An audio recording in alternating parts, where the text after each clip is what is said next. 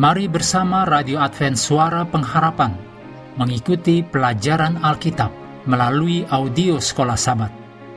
Selanjutnya kita masuk untuk pelajaran Jumat 4 November.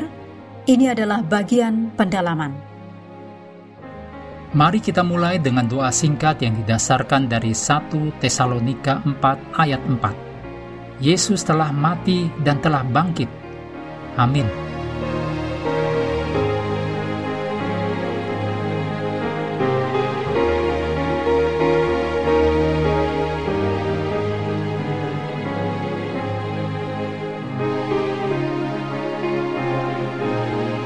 Anda perlu membaca tulisan Ellen G. White judulnya Getsemani di halaman 327 sampai 338, juga Kalvari dalam halaman 741 sampai 758, keduanya dalam Alfa dan Omega jilid 6. Kemudian dengan judul Pertobatan di halaman 34 sampai 58 dalam buku Langkah kepada Kristus.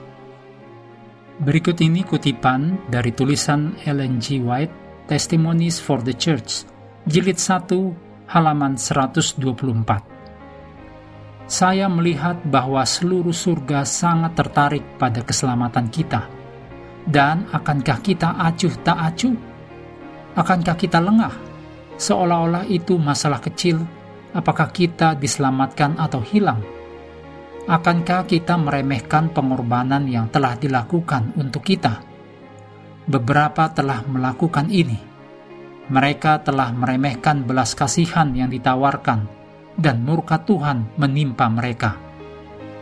Roh Tuhan tidak akan selalu didukakan. Ia akan pergi jika didukakan sedikit lebih lama lagi setelah semua yang telah dilakukan Tuhan untuk menyelamatkan manusia, jika manusia menunjukkan dengan hidup mereka bahwa mereka meremehkan belas kasihan Yesus yang ditawarkan, kematian akan menjadi bagian mereka, dan itu akan dibayar dengan mahal.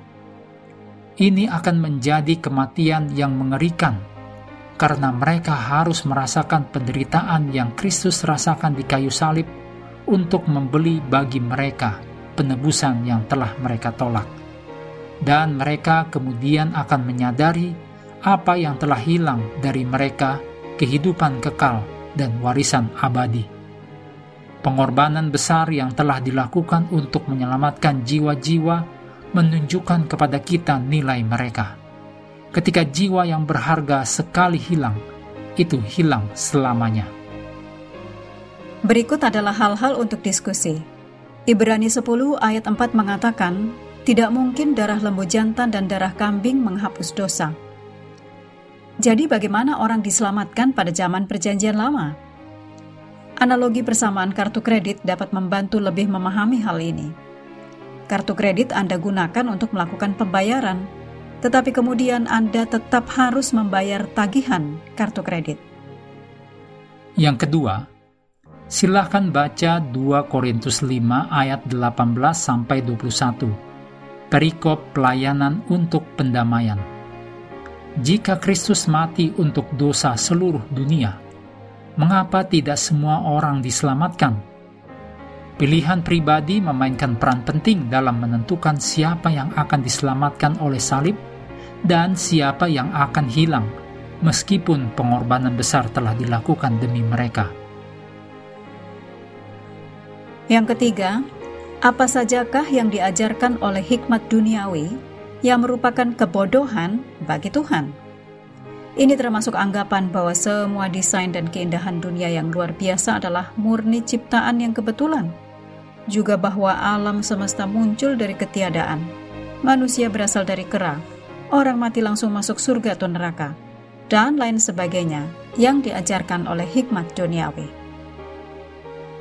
Mengakhiri pelajaran hari ini, mari kembali ke ayat hafalan kita di dalam Yohanes 3 ayat 14 sampai 15. Dan sama seperti Musa meninggikan ular di padang gurun, demikian juga anak manusia harus ditinggikan, supaya setiap orang yang percaya kepadanya beroleh hidup yang kekal.